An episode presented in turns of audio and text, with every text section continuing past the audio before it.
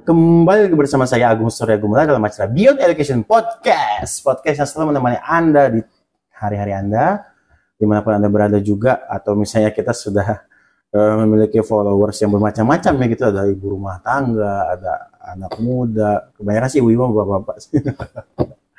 Dan juga uh, followers-followers yang lainnya gitu yang memang memfollow Beyond Education Podcast. Tenang saja kita dua hari sekali pasti mengupload sesuatu yang terbaru gitu maksudnya video yang baru gitu. Kita istiqomah selalu ya. Istiqomah itu konsisten ya. Konsisten selalu mengupload dua hari sekali untuk video-video terbarunya. Silakan ada yang mau request silakan. Kalau misalnya mau ada yang bertanya atau misalnya mau bang ini nih uh, misalnya kontennya yang ini dong nah gitu ya, ya silakan. Langsung saja diklik di kolom komentar di deskripsi semua sudah ada. Ada kolom komentar juga boleh gitu ya. Ngomen di komentar juga boleh atau misalnya langsung kirim ke email saya, misalnya ke email saya, ke email yang di link deskripsi, silakan uh, ceritakan saja, misalnya maunya apa, atau misalnya mau cerita, mau ada kasus, masalah atau apa, silakan. Nanti kita akan bahas melalui video, gitu ya. Dan juga kalau misalnya mau mendengarkan kami di Spotify, silakan langsung dengan kata kunci Beyond Education Podcast. Nah, kita itu di seri podcast ya. Karena kan Spotify itu macam-macam seriesnya, ada yang series MP3, lagu, terus apa gitu kita itu di seriesnya di series podcast. Jadi Beyond Education Podcast. Seperti itu. Dan pada hari ini saya akan membahas tentang Hari Pahlawan. Ya, bertepatan dengan hari ini kita akan memperingati dan membahas apa sih Hari Pahlawan itu. dan pahlawan itu seperti apa gitu ya. Mari kita bahas ya. Uh, dimulai dari harinya dulu ya, mungkin asal usulnya dulu gitu. Misalnya Hari Pahlawan ini kan misalnya diperingati oleh bangsa Indonesia itu mengenang para pahlawan gitu ya.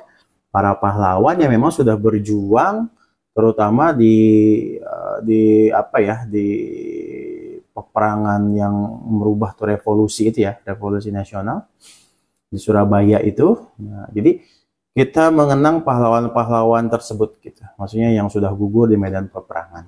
Jadi itulah asal usul dari Hari Pahlawan itu 10 November.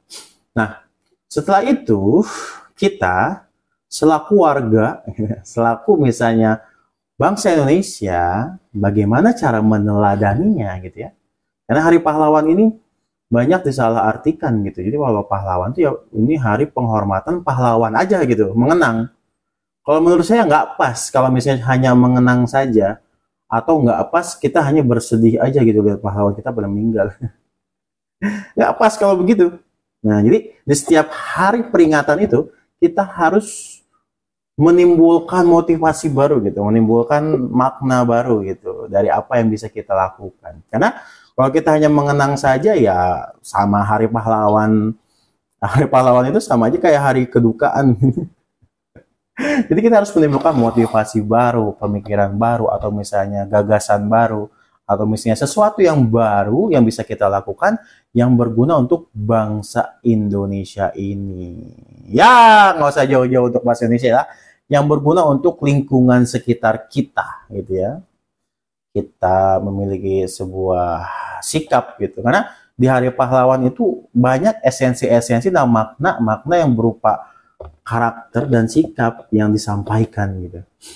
Jadi nggak ada tuh hari pahlawan itu mengingatkan kita untuk bagus dalam akademik. Enggak, jadi kita membangun sikap gitu ya. Jadi keteladanan-keteladanan pahlawan ini tuh banyak gitu yang misalnya kejujuran seorang pahlawan, kegigihan seorang pahlawan, pantang menyerah untuk melawan penjajah gitu ya. Dan uh, gigi dan melaksanakan kewajibannya loh Nah, gitu ya, kewajiban dan merebut hak yang sebenarnya harus kita lakukan. Nah, seperti itu. Jadi itu semuanya adalah nilai-nilai sikap, nilai-nilai karakter ya. Karena memang pahlawan itu dari dulu ingin membangun nilai karakter sebenarnya. Ya, tidak ada pahlawan itu ingin memperjuangkan nilai akademis. Kok masalah akademis? Gak ada tuh pahlawan nyuruh matematika harus 10 gitu. Saya tunjukkan satu pahlawan yang misalnya memang dia itu mewasiatkan gitu ya, mewasiatkan bahwa e, harus mendapatkan nilai matematika 10 gitu, atau nilai agama ataupun harus 10 semuanya harus perfect nggak ada. percuma kita mendapatkan nilai 10 hasil nyontek. Buat apa gitu. Jadi makanya yang disampaikan pahlawan itu ada berupa nilai-nilai sikap. Itu yang sebenarnya bisa merubah bangsa ini gitu. Sampai ada pepatah bahwa uh, dari salah satu pahlawan yang Ki Hajar Dewantara ya kalau nggak salah ya. Dia mengatakan bahwa uh, ingerso, nah gitu lah. Jadi guru itu ketika di, di depan menjadi contoh, di belakang menjadi uh, apa mendorong gitu ya dan di samping menjadi teman gitu di kata-kata itu di pesan-pesan itu atau misalnya di di wasiat itu nggak ada tuh yang namanya guru harus mendidik anak sampai nilainya 10 ya nggak sih? Makanya kita bingung ini sebagai uh, orang yang berkecimpung di dunia pendidikan apa sebenarnya makna pahlawan di sini gitu kan? Kayak gitu. Jadi kalau misalnya kita berbicara tentang pahlawan ya pasti yang ada adalah nilai-nilai sikap gitu. Tapi kenyataannya di dunia pendidikan nilai-nilai sikap masih dikesampingkan yang diutamakan adalah nilai-nilai akademis. Pintar nilai nilai bagus dapat kerja bagus sombong merendahkan orang lain dan lain-lain gitu. Seperti itu. Nah, jadi seperti ini. Makna makna dari eh, Hari Pahlawan ini ya tidak identik dengan yang namanya nilai sebuah pelajaran, tapi nilai-nilai sikap yang kita harus tanamkan di dalam diri kita. Dan juga kita mengetahui bahwa nasionalisme itu harus dipupuk ya. Jadi kita harus cinta dengan yang namanya Indonesia gitu maksudnya. Ya anak-anak sekarang sih setahu saya gitu ya atau misalnya orang-orang sekarang masih bingung caranya cinta sama Indonesia itu bagaimana sih ya ya ya saya juga sebenarnya masih bingung gitu memaknainya seperti apa cinta Indonesia kebangsaan Indonesia gitu kita tuh harus seperti apa nah kecintaan kita kepada Indonesia atau misalnya kita memiliki rasa ingin membanggakan Indonesia secara tidak langsung itu akan tercium di mana pun kita berada ya. Ketika kita bisa bermanfaat bagi lingkungan sekitar atau orang sekitar kita. Cukup seperti itu. Kalau misalnya teman-teman bingung ya, bagaimana caranya cinta sama Indonesia, tunjukkan kalau teman-teman itu bermanfaat bagi lingkungan sekitar. Ini minimal keluarga, minimal lagi RT atau minimal lagi RW, atau minimal lagi ya sekota gitu ya bermanfaat bagi orang sekota gitu. Apa pun itu gagasan atau apa. Seperti itu. Jika ingin cinta dengan Indonesia. Ingin mempertahankan nasionalis apa memiliki jiwa nasionalis jadi kayak gitu jadi bukan hanya berteriak-teriak saja hanya berteriak-teriak saya cinta Indonesia saya berjiwa nasionalis saya tapi tidak ada manfaatnya itu diri Anda gitu. Nah, itu simbolnya seperti itu. Jadi kalau misalnya teman-teman mengaku cinta Indonesia, berjiwa nasionalis, mari tebarkan manfaat kepada sesama. Apa saja? Sebenarnya enggak ya jangan dianalogikan kita harus mengasih materi terus ya manfaat itu. Misalnya wah saya nggak punya uang saya nggak bisa bermanfaat bagi eh, lingkungan sekitar. Yang nggak begitu gitu. Maksudnya bukan di sini kita harus punya uang terus atau misalnya di sini kita harus uh, kaya dulu baru bisa bermanfaat bagi sini. Enggak gitu. Saling menolong gitu ya. Ya ya kan? Maksudnya menolong di sini yang simpel-simpel aja gitu ya tetangga lagi kesusahan atau misalnya tetangga lagi butuh bantuan dibantu gitu terus misalnya ada ada bencana ada apa dibantu dengan se mampunya kita itu baru cinta Indonesia gitu. jadi jangan jangan cuma slogan doang cinta Indonesia tapi kita nggak tahu bagaimana cara memaknai cinta Indonesia gitu. simpelnya seperti itu sih ya gitu jadi kalau misalnya ingin bermanfaat bagi seseorang atau misalnya ingin bermanfaat bagi lingkungan itu jangan dibuat ribet gitu maksudnya wah saya harus bagi-bagi sembako untuk bermanfaat bagi enggak enggak enggak gitu juga gitu. Maksudnya ya kayak misalnya ada kerja bakti ikutanlah kerja bakti gitu. Ada misalnya himbauan dari RT untuk membersihkan lingkungan ya ikutanlah gitu. Ya gitu loh. Nah, di situ Jadi timbul yang namanya rasa nasionalis, ya, kerjasama, kebermanfaatan, kepedulian, gitu ya. Itu yang menguatkan bangsa kita. Dari dulu juga seperti itu.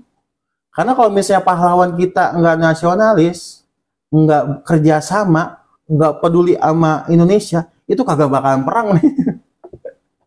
itu mereka nggak bakalan perang gitu ya bodoh amat gitu Indonesia mau dijajah juga ah, ngapain sih gue udah misalnya uh, apa udah tenang ini gitu punya banyak harta misalnya gitu kan pahlawan-pahlawan zaman dulu. Tapi kan nggak begitu. Mereka memikirkan juga nih rakyat saya gimana nih? Kalau misalnya kita tidak memperjuangkan ini gitu. Teman-teman saya gimana nih? Bisa makan enak gitu. Uh, bagaimana kita bisa keluar dari penjajahan itu? Karena mereka berpikir untuk kemaslahatan dan kebermanfaatan bersama. Di situlah yang disebut namanya nasionalisme. Itu.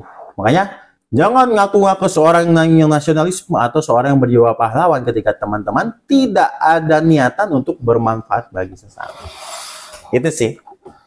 Ya dari dunia pendidikannya maka uh, kita akan uh, apa? Kita bahas tentang nilai sikap-sikapnya yang harus ditanamkan gitu ya kepada anak sedini mungkin tentang kegigihan, kejujuran, pantang menyerah itu ya untuk di uh, Hari Pahlawan ini dan di di sisi kacamata masyarakatnya sebagai orang yang cinta Indonesia atau cinta atau nasionalisme gitu ya kita harus bermanfaat bagi sesama gitu. Bisa saling tolong menolong atau dan lain itulah memaknai Hari Pahlawan yang betul.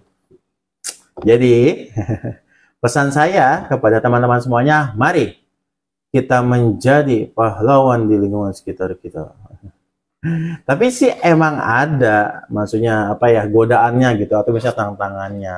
Biasa kan begini ya. Ada misalnya orang ini ini, ini simpelnya gitu ya.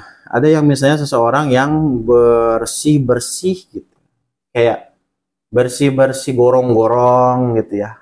Itu kan sangat bermanfaat sekali sebenarnya. Gorong-gorong itu kan bisa buat jalannya air, air jalan terus terus bisa dibuat nyuci atau apa buat apa gitu bersih-bersih gorong-gorong. Tapi ya di negara kita mas di negara kita masih ada budaya namanya budaya malu nggak perlu gitu. Malu nggak perlu. Jadi malu nggak perlu ini ya kita merasa gengsi gitu buat ngebersihin, ngebantu itu. Kita cuma meliatin aja, memviralkan aja. Gitu aja gitu kerjaan kita.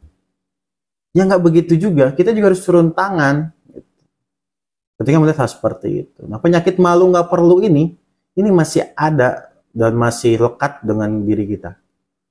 Kita merasa gengsi anak orang kaya nggak mau yang namanya kotor-kotoran untuk membersihkan lingkungan sekitar. Maunya memikirkan tentang diri sendiri aja, keenakan diri sendiri ya main. Uh, yang penting saya udah ada permainan di dalam kamar, saya di kamar aja lah, nggak mau ke mana-mana, udah selesai gitu. Nah, seperti itu yang memicu, memecah belah nasionalis. Makanya bisa dilihat sendiri ya zaman sekarang, hmm, kumpul-kumpul itu udah jarang gitu. Dibanding zaman-zaman dulu. Tapi ya kita lihat saja karena memang kemajuan zaman atau misalnya uh, perubahan zaman itu pasti menyesuaikan orang-orangnya pun menyesuaikan. Gitu. Jadi memang kita harus tetap support terus untuk memupuk jiwa nasionalis dalam diri kita dan juga menanamkan sikap-sikap baik dalam diri kita. Sampai jumpa di Beyond Education selanjutnya. Selamat Hari Pahlawan.